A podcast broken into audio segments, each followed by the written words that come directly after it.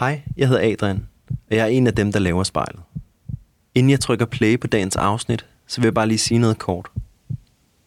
Ligesom alt i dit liv måske er en del mere besværligt, end det var inden epidemien brød ud, så er det også sådan for os, der laver spejlet. Det er svært at komme rundt i landet, og vi kan ikke være tæt på dem, vi optager. Så i stedet for at være sammen med dem, så afleverer vi en afsprittet optager uden for deres dør og ringer dem op. På et eller andet tidspunkt, så bliver alting lidt mere, som det var før. Og så kommer vi ud i landet og er tættere på jer.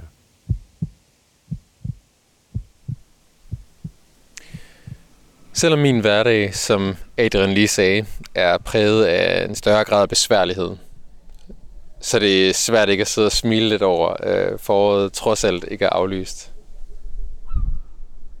Der er en dejlig høj blå himmel i dag, uden en eneste flystribe på.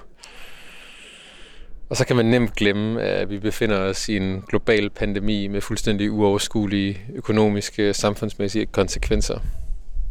Man kan trække lidt på skuldrene over alle ens planer om koncerter og fester er blevet aflyst, for vi udskyder det jo bare, gør vi ikke? Men det er jo ikke alting, der bare kan udskydes og gøres igen på den anden side af karantænen her. Nu ved jeg ikke, om du selv har været på efterskole, men, øh, men det har jeg. Og øh, det ville være en underdrivelse at sige, at jeg var ked af det, da det sluttede. Det år var fuld af fællessang og gruppekrammer og natterand og kærester. Kort sagt, the time of my life. Og derfor kan jeg slet ikke sætte mig ind i, hvordan jeg ville have haft det, hvis det var sluttet fire måneder tidligere. Det er svært at sætte sig ind i, hvad Danmarks 30.000 efterskoleelever går igennem i de her dage. Det er slet ikke til at bære. Og derfor der har jeg lavet en aftale om at ringe til Kolding, vores Sisselbor. Sissel er 15 år, og hun har skrevet et åbent brev til Efterskolernes Landsforening for nylig, hvor i hun beder mig om at overveje at kalde eleverne tilbage og lade dem afslutte deres år. Så længe de er raske, altså. Jeg glæder mig enormt meget til at høre, hvad der rører sig i Sissels sind. Og til at høre, hvad der sker, når hun sætter sig foran spejlet.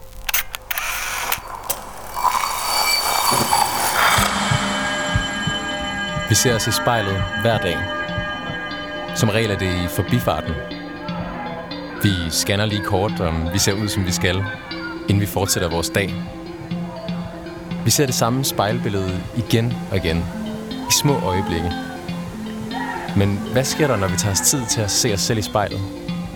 Hvad ser vi, når vi ser os selv i øjnene? Sådan rigtigt. Hver uge vil vi besøge fem unge og bede dem om at bruge en time selskab med deres eget spejlbillede. Jeg hedder Mads Bjørn Lundsgaard, og du lytter til spejlet.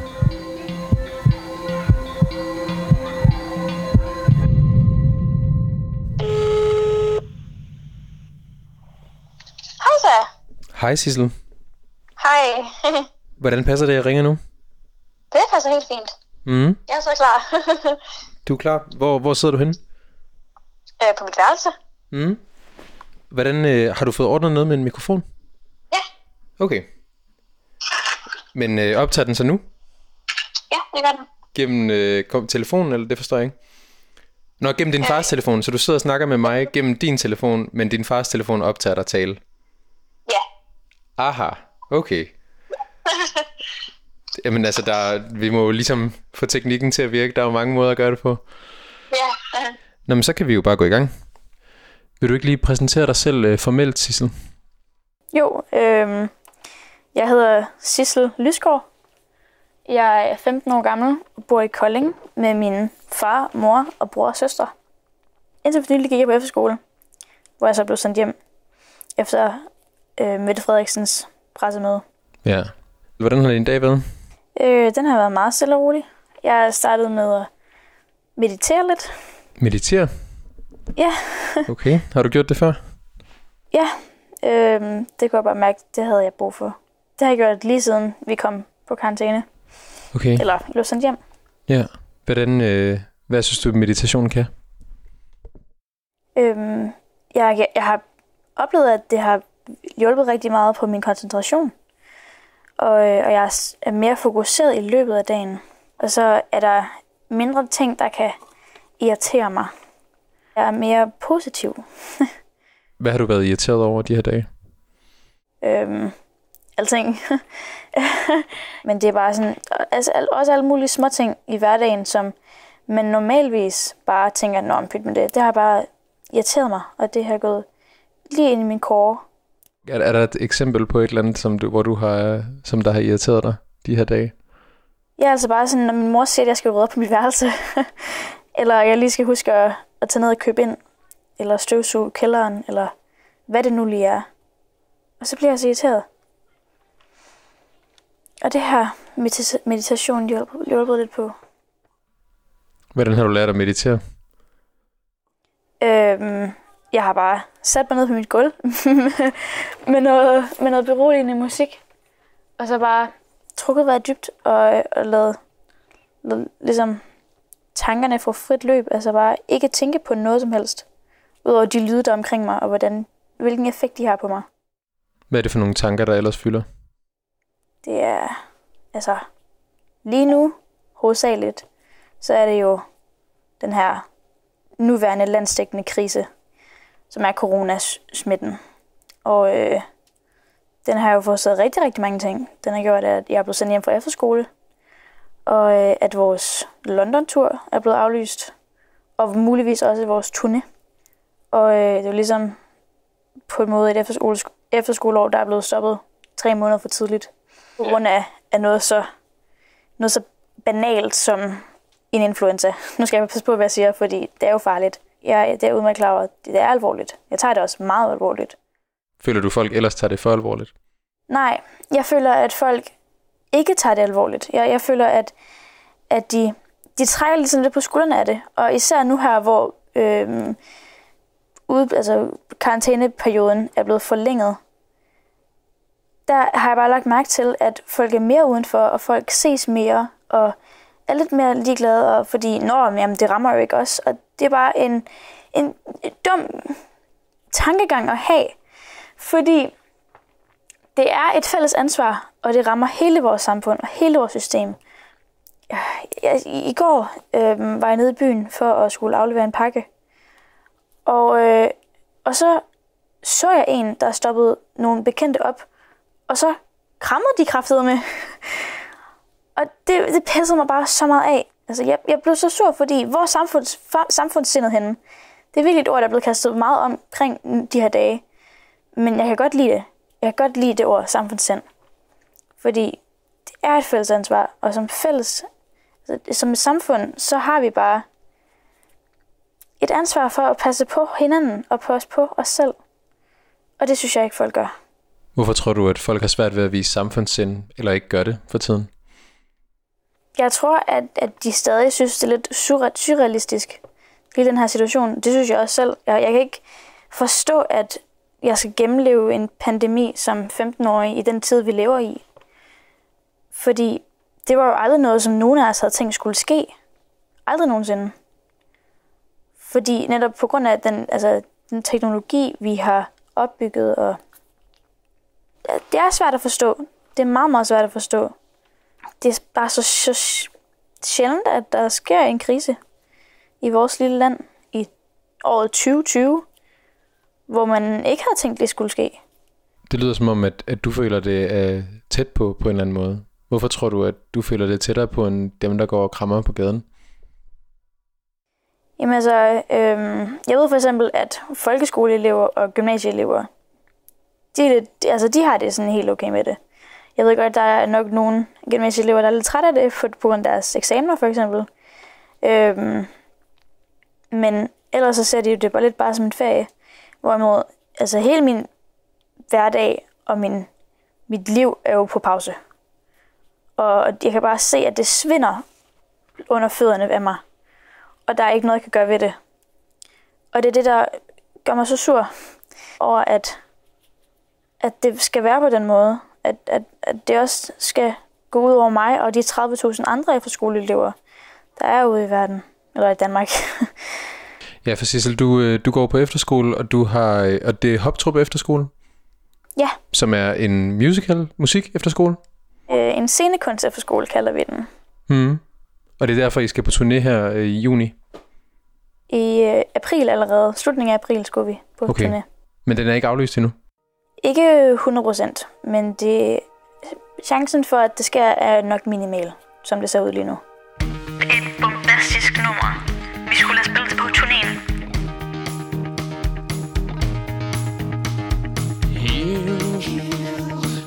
Or are you still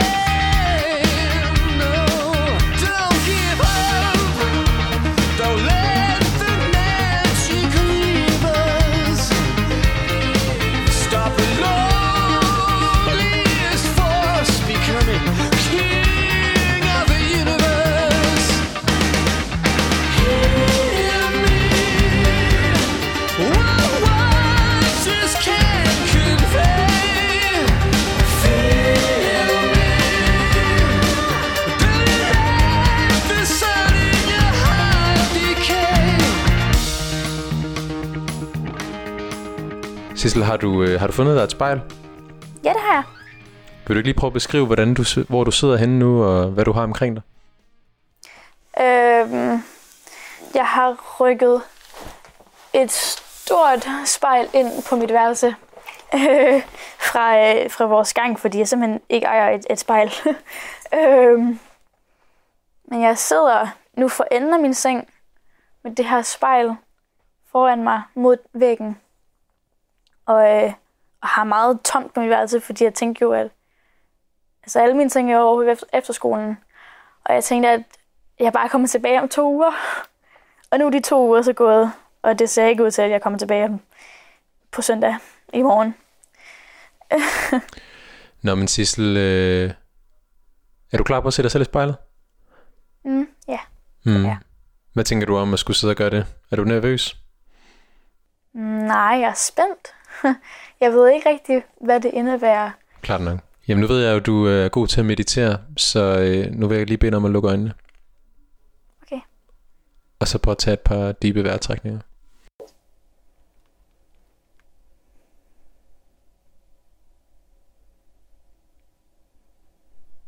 Og så må du godt åbne øjnene og fortælle mig, hvad du ser. Jeg ser et ansigt, der er træt. Træt af at skulle opholde en positiv energi og håb, men som, men som også har brug for det håb. Fordi hvis, hvis der ikke er noget, jeg kan se frem til, hvis der ikke er noget, jeg kan håbe på, at det snart ender, så tror jeg bare, at jeg bliver nødt til at lægge mig i min seng. Og ikke se et øje de næste mange, mange måneder. Hvordan ser du, at det ansigt er træt? Jeg ser bare, jeg har sværere ved at smile nu. Og det er ligesom som om, at de smilemuskler, der engang var aktiveret hele tiden, de øh, har svundet ind og er ligesom krybet skjul. Og øhm, min øjenbryn har lettere nu ved at, at, at ligesom trække sig sammen og rynke. Og, øh, og fordi det bare tænker, hvorfor dog det? Hvad har du på, Sissel? Jeg har et par jeans på, øh, Levi's, og en, øh, sådan en, øh, jeg ved ikke rigtig, hvad det hedder, men øh, en hvid skjorte med rødt broderi og sådan en stor 70'er krav op på færmer. Hvor har du det? Øh, den har jeg ved genbrug. Simpelthen. Er der en genbrug tæt på jeres efterskole? Ja, men den er ikke særlig god, så vi tager tit ind til Haderslev eller Åben Rå. Hvad tænker du om det der med at gå i genbrugstøj? Jeg synes, det er hammerfedt. Jeg synes, det er mega fedt. Jeg elsker det. Jeg synes, det er så fedt, at også at min generation er blevet meget mere vant til at gå i genbrug, fordi førhen så var det jo, ligesom genbrugstøj var noget, der blev set lidt ned på. Og, øh, og det var ikke så fedt, og nå, så havde man jo få penge, og, og så, altså, før i tiden, så synes jeg meget, at det handlede om at vise sig frem, og vise sine materi- materi- materi- materialistiske øh, værdier frem. Og sådan er det nok også stadig rigtig, rigtig meget. En stor del af det. Men jeg elsker genbrug. Jeg elsker, at man kan få lov at, at udtrykke sig selv gennem sit tøj. Og, og gennem noget, som så få andre har. Men som man alligevel deler med så mange. Det synes jeg er så fedt.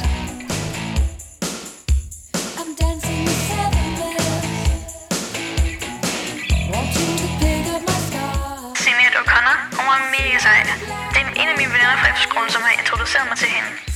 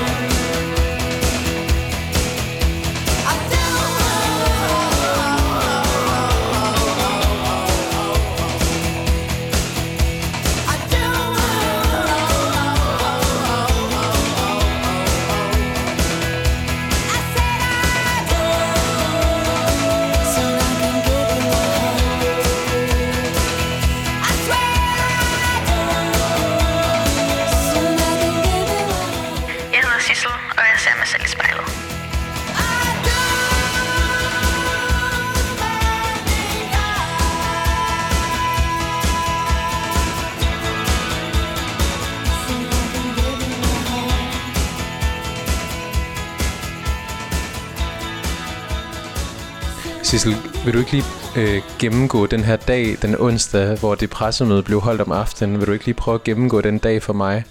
Og det var sådan en, en forfærdelig dag. Det, det var så mærkeligt. Øhm, vi startede om morgenen med at have sådan en, en brandøvelse, øhm, hvor hele skolen blev brugt som øh, sted for nogle øh, brænde øh, folk, der skulle op til eks- eksamen. Og øh, og der var sådan nogle elever på vores skole, der blev brugt som figuranter, der fik øh, makeup i ansigtet og skulle lade som om de havde røgforgiftning og sådan noget. Og så blev vi alle sammen evakueret over i vores dansesal, hvor vi så bare sad og spildte vores tid og vores, min fritime. og, øh, og, øh, og der var en masse der, der elever, der havde fået at vide, at de skulle spille røgforgiftet, som sådan gik og hostede, og det her med at hoste, det spredte sig sådan lidt. Og, øh, og, og sådan, bare fordi folk synes, det var sjovt. Og det irriterede mig så meget, fordi lige dagen før, så havde vi fået at, at vide, at, at det nok ikke er meget muligt, at vi kom til London. Og øh, ja, nu er den chance jo så fuldstændig væk. Men dagen gik, som den plejede. Sådan cirka. Og øh, om aftenen, så øh, sad jeg inde, i, inde på lærerværelset med en lærer og snakkede. Og øh, vi blev så afbrudt af en af mine veninder, som styrter ind og, øh, og siger, har I set nyhederne? Vi skal sendt hjem. Og det her, på det her tidspunkt går jeg fuldstændig i panik. Og jeg, har, jeg ved ikke, hvad der sker, fordi jeg ved ikke, hvad det indebærer. Og, øh, og hun er også meget oprevet, og vi græder alle sammen. Og så kommer jeg udenfor, og, og folk løber bare rundt og råber og skriger, og det føles som om, altså, at, at krig er brudt ud. Og øhm, det er meget... Åh, det var, det var sådan en mærkelig dag. Det var sådan en mærkelig aften. Vi bliver så sendt ind i vores øh, foredragssal, hvor vores viceforstander og forstander øh, snakker lidt og siger, at nu tager vi det lige med ro. Vi ser på det i morgen. Og nu skal jeg altså gå i seng. Og det gjorde vi så ikke. Fordi vi var stadig panikslagende. Og, øh, og jeg, jeg, jeg græd hele den aften, fordi jeg havde ikke lyst til at tage hjem. Jeg havde ikke lyst til, at det skulle slutte nu. Også på grund af noget så banalt som, som en, en, en, en lille influenza, som vi jo havde gået og joket omkring hele ugen. Og det så skulle ske, og at det var rigtigt, det kunne jeg ikke fatte. Nej. Hvordan, øh, man sover vel på værelset på sådan en efterskole. Hvordan havde dine værelseskammerater det den aften? Hun, øh, hun var også meget oprevet øh, og frustreret og forvirret. Og der var ikke rigtig nogen af os overhovedet, der kunne forstå, hvad det var, der skete. Øh, så om aftenen, efter aftenvagten var gået, så øh, lagde, jeg op, lagde jeg mig op i hendes seng, og så sov vi sammen deroppe. Næste morgen så fik vi lov til at sove længe, helt til klokken 9, hvor vi så fik frug- øh, og morgenmad. Og, øh, alle var meget stille, og vidste ikke rigtig, hvad der skulle ske. Og klokken 10 blev vi så sendt ind i vores foredragssal, hvor vi fik smøren om, at nu skal I sendt hjem. Efterfølgende så øh, er der en, en masse, der efterhånden stille og roligt tager hjem. Og vi sætter os ind i opholdsstuen med en guitar og spiller nogle sange og synger lidt sammen. Og det er en virkelig, virkelig dejlig følelse. Og jeg er så glad for, at vi fik det gjort, inden det hele ligesom det var slut. Og jeg får det lidt til at lyde som om, at det var stor tudedag. Og sådan føles det, føles det også, bortset fra, at vi var ikke forberedt på, at det her skulle ske. Stor tudedag, det er ligesom dagen, hvor alle efterskoler lukker øh, for sommerferien. Og, øh, og alle elever bliver sendt hjem, og året ligesom slutter. Og vi sang nogle sange, og, jeg, og det var, jeg elsker fællesang. Jeg elsker virkelig fællesang. Jeg elsker den følelse, man får af at være en del af noget, at være en del af fællesskabet. Og jeg elskede, øh, elsker Philip Fabers morgensang, og jeg elsker, at vi har den mulighed, og, og der er blevet taget initiativ til det rundt om i landet med fællesang. Og også jeg har set, at Aarhus synger for altaner og vinduer, og det samme gør København og nogle flere store byer. Og jeg synes, det er så rart, at der er stadig... Altså, det, det er sådan små livstegn og små epoder af, af håb. Her er valen Valborg Stoppet ud med vand Fordi den er dejlig. Den er rigtig dejlig. Og vi sang den også der på Chokstore-turdagen. Den blev født i kold decembernat. Lidt nordøst for Kransvisit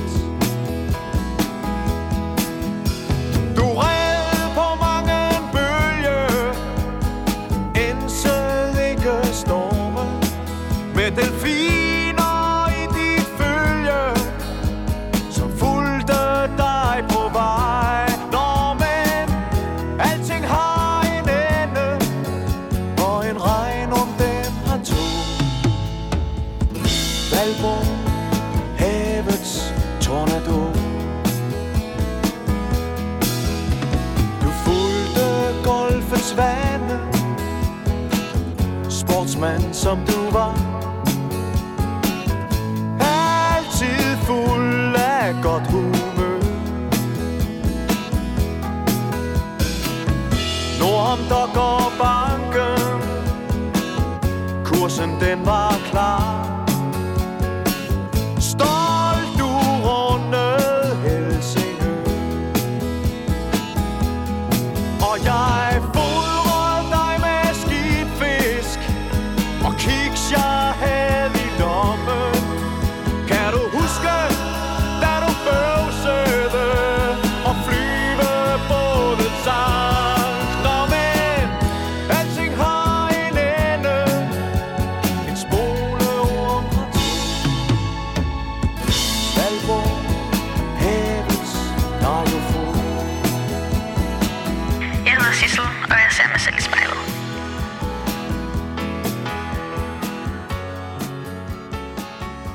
På en eller anden måde, det du beskriver med den fælles sang der, og det at de lige sætter jer ind og synger en sang til sidst på efterskolen der, det er som om, at noget af den ånd, hvis man kan kalde det efterskoleånden, er det ikke lidt som om, at den har bredt sig nu her i hele Danmark?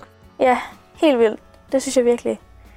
Og sådan, vores fællesskab og, og samvær i Danmark er klart styrket rigtig meget, og det er jo kun en positiv ting. Bortset, altså, når man ser bort fra omstændighederne, så er der også godt. Og intet er jo så dårligt, at det ikke er godt for noget. Hvad tror du så, det her det er godt for? Øhm, det, det er sjovt, fordi mennesker har et kæmpe træng til samvær, og, og til, vi, vi er afhængige af kærlighed.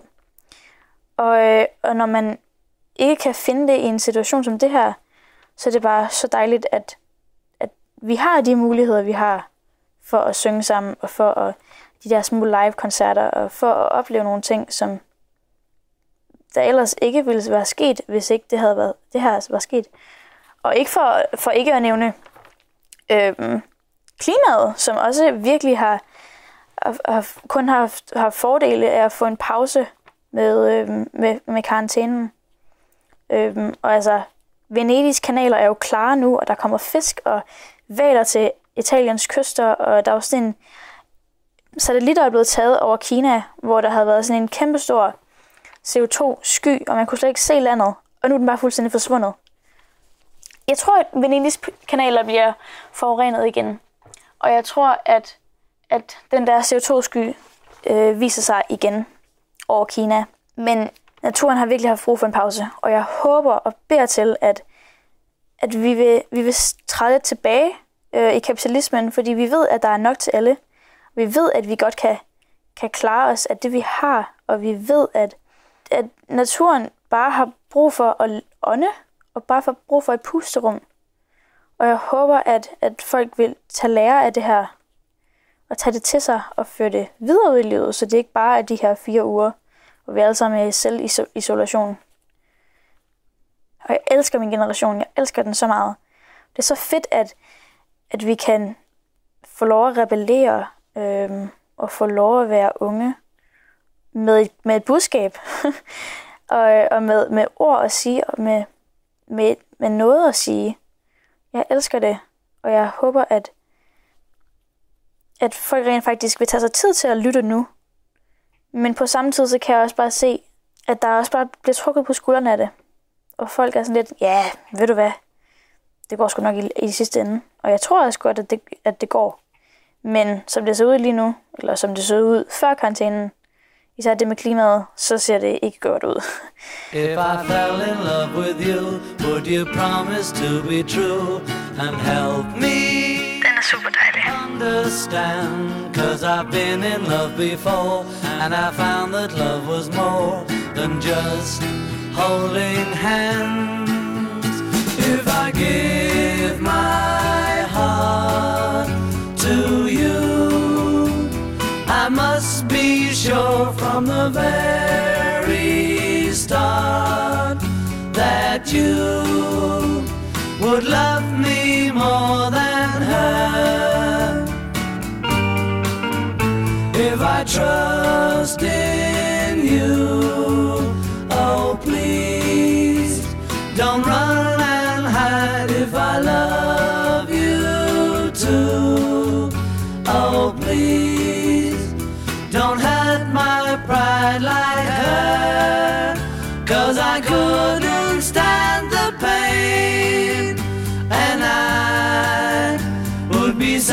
if our new love was in vain.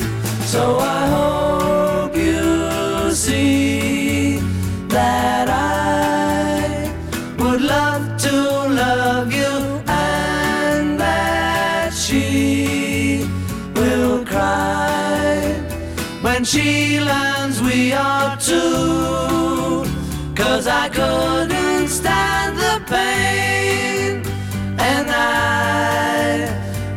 sad if our new love was in vain.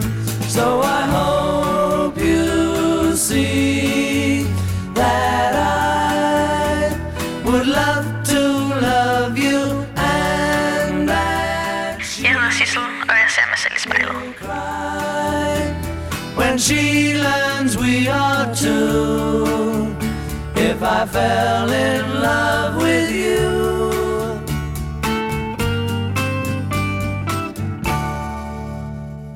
Så Sissel, hvis vi lige skal opsummere, så er der en hel masse, nu snakkede du lidt om det der med, hvordan du læser dit ansigt, og du siger, at du ser et, et, en, en træt Sissel, som ikke rigtig kan smile længere, så det vil sige, at der er en hel masse sådan negative følelser, men det lyder også som om, at der, der er et håb. Ja. Jeg har bare behov for det her håb at klynge mig til, fordi jeg føler ikke, at, at hvis jeg ikke havde noget at håbe på, altså håbe på, at jeg kom tilbage den 13. april, så kunne jeg ikke rigtig se, hvad fanden jeg lavede herhjemme. Og det ville ikke give nogen mening. Jeg har virkelig behov for at, at tro på, at vi kommer tilbage den 13. april. Og jeg ser ikke nyheder længere, fordi jeg er bange for, at der kommer flere end dårlige nyheder. Ja, nu snakker vi lige om det der håb der, og du sagde, at du har et, et behov for at håbe på, at, komme, at de kommer tilbage der den 13. 13. april. Vil du ikke lige prøve at beskrive, hvad det er for et øh, åbent brev, du har skrevet til Efterskolernes Landsforening? Øhm, sidste fredag øh, holdt vi sådan noget, der hedder samling over øh, vores Microsoft Teams på efterskolen, hvor vi sang sang. Altså det, så, det sker jo virtuelt. Ja, og øh, vores forstander øh, sagde nogle ord, og øh, det var bare så ret at se dem alle sammen igen. Og samling er noget, som vi går rigtig meget op i på Hopstrup Hoptrup Efterskole, og det er en stor tradition, og jeg elsker det. Det er min yndlingstid på dagen, der er klokken 12, hvor vi synger en sang alle sammen sammen. Og, øhm, og efter det, så græd jeg bare i sådan en time straight, fordi jeg savner det så meget. Og, øh, og så sagde jeg for mig selv, jeg holder det ikke ud længere. Jeg bliver nødt til at gøre et eller andet. Også selvom det ikke har særlig stor indflydelse. Jeg bliver nødt til at have den følelse af, at jeg har, jeg har gjort det, jeg kunne. Så jeg skrev et brev og sendte det til formanden for Efterskoleforeningen. Og øh, hvor i der stod, at jeg øh, ikke synes, det var i orden og retfærdigt, og jeg bad til, at Efterskoleforeningen, hun hævde i regeringen og sige, hør her, efterskoleeleverne, de må altså gerne komme tilbage nu her, fordi, eller snart, eller som de første, fordi de kan jo holdes på skolen 24-7. De behøver ikke at være i kontakt med andre, end dem, de bor med.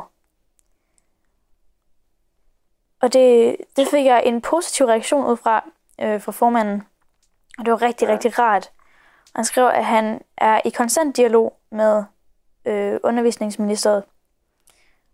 Og øh, det var bare, ja, det var rart, og jeg følte, at jeg havde udrettet noget. Ja, det forstår jeg virkelig godt. Men jeg skulle til at spørge, tror du, det er realistisk, at I får lov at komme tilbage på den måde, som du foreslår der? Nej, det tror jeg faktisk ikke. Hvis jeg skal være, he- være helt ærlig, så det, det tror jeg faktisk ikke. Desværre. Jeg, jeg håber det jo. Men jeg tvivler stadig. Nu sagde du det, det der med, at det var også som om, at det efter du havde grædt en time efter jeres øh, virtuelle samlingsmøde der, øh, at det var en følelse af, at du blev nødt til ligesom at gøre et eller andet. Så det der med sådan at skrive sådan et brev der, selvom at det, hvad kan man sige, er utopisk, eller det er et spinkelt håb, så det, så det handler det mere om at have noget at tro på, end det handler om, om hvorvidt det egentlig er realistisk, det man foreslår. Ja, præcis. Præcis.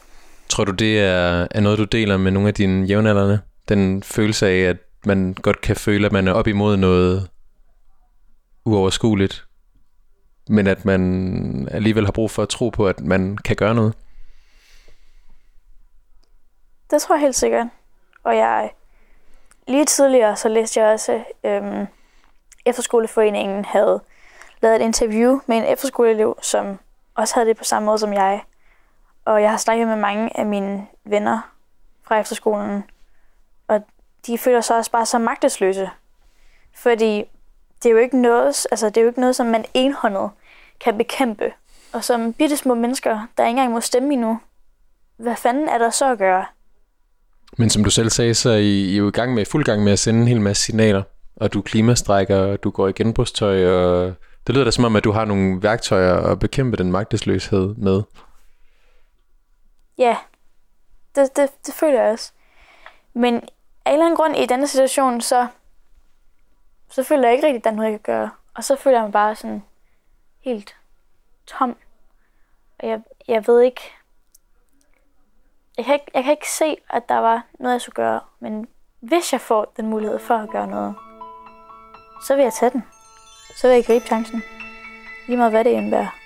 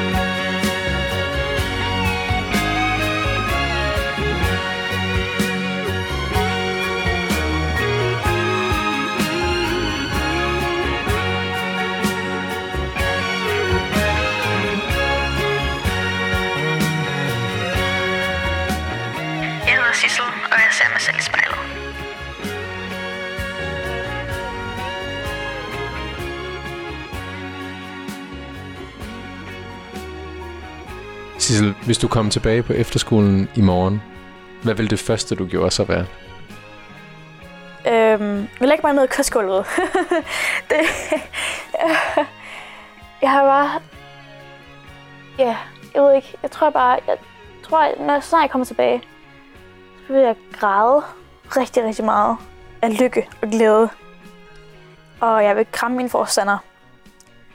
Og, øhm, og kramme og kysse alle mine venner. Og, og bare sådan sætte pris på alt. Også den klamme mormor mad. Og, og udskælder køkkendamerne, fordi man spiser nudler og alt det der.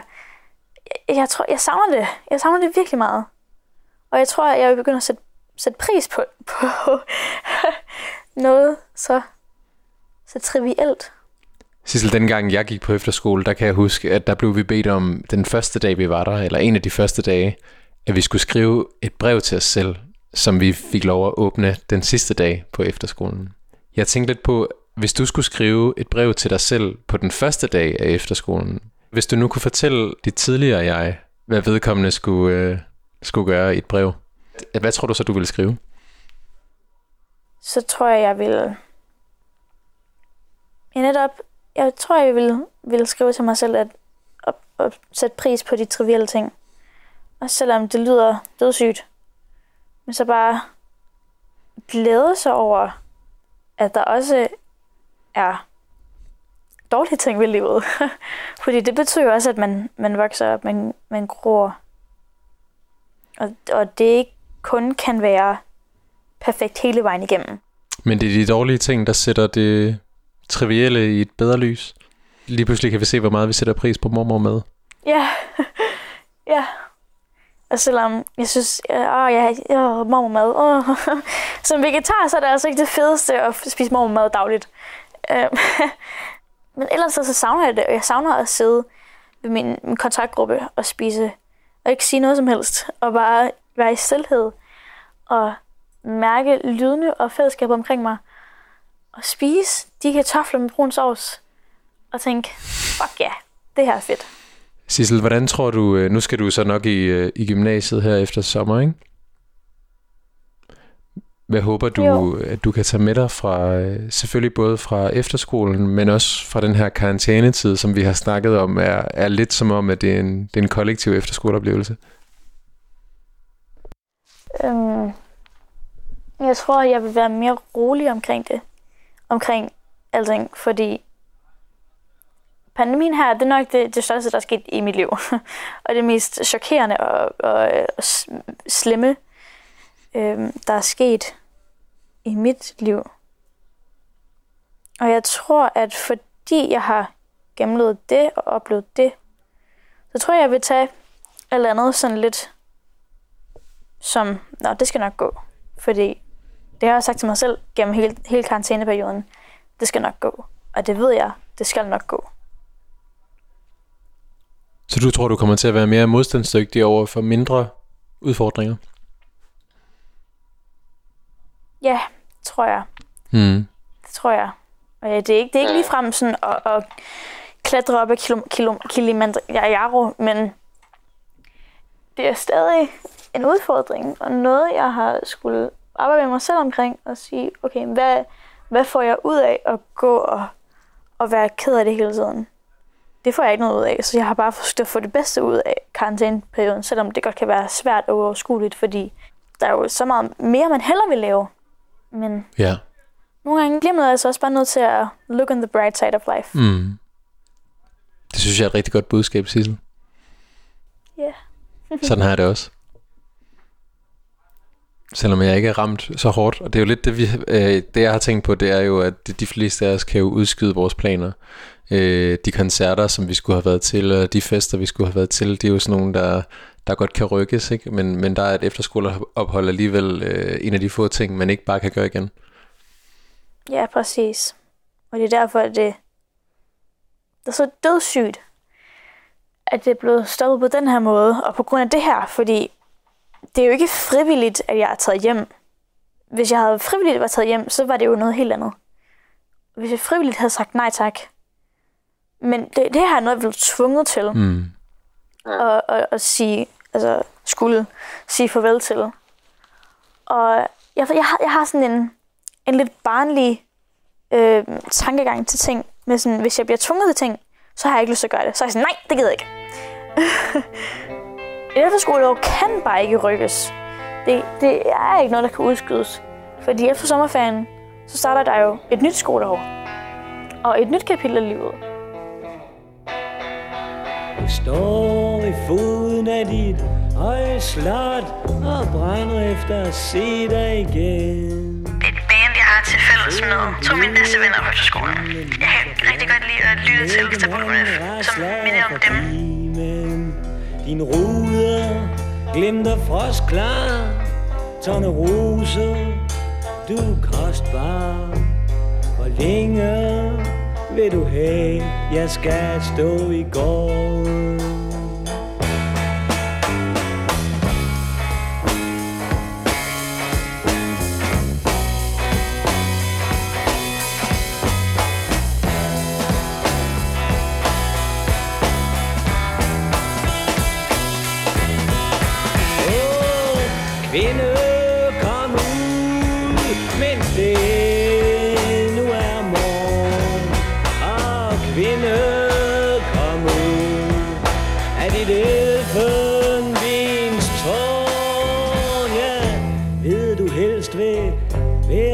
være beatboxer, hvis stemme og skabet skal stå. Men tag nu og åbn din vinduesbros og kast nøglerne ned på min tog. Nu ligger jeg smuk på knæ, tårne rose. Er du gjort af træ, er du ikke af kød og af blod som til form.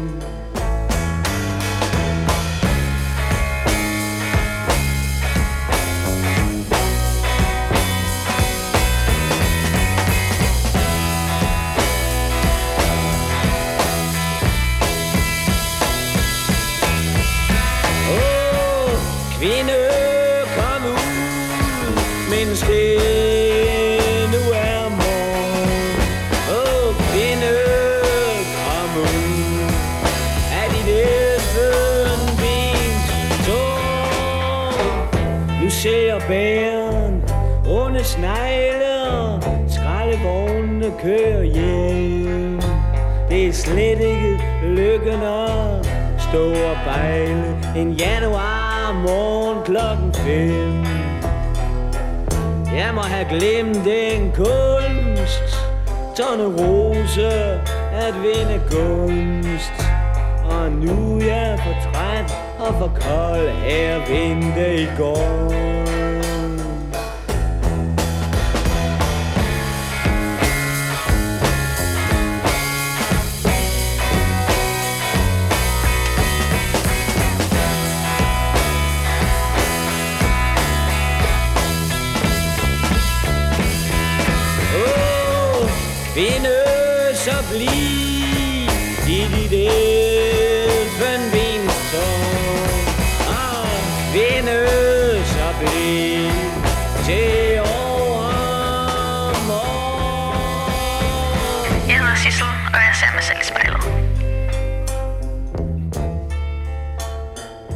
Sissel, øh, de indsigter, som du har fået til de her uger, der er gået efter det her med, at man husker at sætte pris på fællesskaber, hvad man deler og kærlighed og alle de her ting. Det virker ellers også som om, at det er det, de fleste tager med sig fra et efterskoleophold. Ja. Det tror jeg også. Hmm. Nu håber jeg jo selvfølgelig også øh, for dig og for alle de andre 30.000 efterskoleelever, der er, at, at I får lov at på en eller anden måde at blive kompenseret for det, om det så er, at I får lov at komme tilbage, eller at man opfinder en virtuel efterskole, selvom jeg ikke, det tror jeg også ligger lidt et stykke ud i fremtiden. Men jeg tror ikke, at karantæneperioden og de tanker, som det har medført, for eksempel hos dig, det tror jeg ikke er det værste, der kan ske. Det tror jeg også. Helt sikkert. Jeg, jeg, øh, har ikke nogen forestilling om, at, at det her er det, det værste, der kunne ske. Fordi det kunne da godt have været en 3. verdenskrig, og jeg kan huske, huske i omkring januar, så øhm, var der jo også alt muligt snak med, uh, er der en ny 3. verdenskrig på vej, og med alt det her med USA og Iran. Ja, sikkert et år, år vi har haft indtil videre. hva'? og det havde været sjovt, fordi folk har bare været sådan, åh, 2020, det bliver mit år, det bliver det fedeste. Og se, hvor vi er nu. Altså, Sissel, øh, hvad vil du gerne være, når du, øh, når du bliver lige så gammel som mig? øhm, jeg kunne rigtig, rigtig godt tænke mig at arbejde noget med design og kunst, og kunne få lov at skabe noget med mine hænder. Øhm, men jeg kunne også rigtig godt tænke mig at lave noget samfundsfagligt og have en indflydelse. Og det ved jeg også godt, det kan man godt gennem kunst. Og jeg kunne godt tænke mig at- at kombinere de to. Så helt konkret ved jeg ikke. Jeg kan ikke bare sige, at jeg vil gerne være dyrlæge, fordi så lige til tror jeg ikke, det er. Og jeg tvivler også på, at jeg ender som sådan kunstner. Fordi livet er så uforudsigeligt. Men jeg ved det ikke. Jeg håber, at jeg kan få lov at lave noget med designerkunst. Det tror jeg da helt sikkert, du kan. Ja, det håber jeg. Nu har vi siddet og snakket lidt, og øh, hvis du kigger dig selv i spejlet, jeg synes, det lyder som om, du smiler.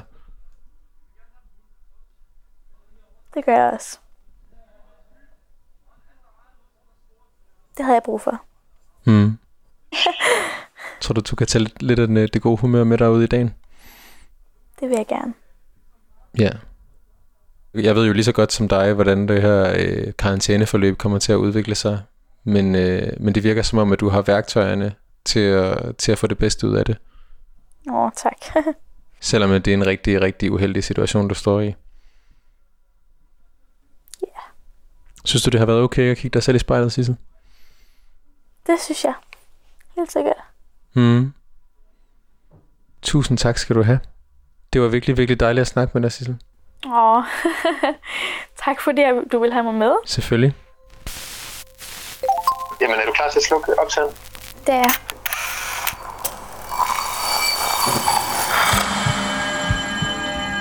Du har lyttet til spejlet. Produceret af Kontrafej, klippet og tilrettelagt af mig. Jeg hedder Mads Bjørn Lundsgaard, og vores redaktør er Kim Pilfester.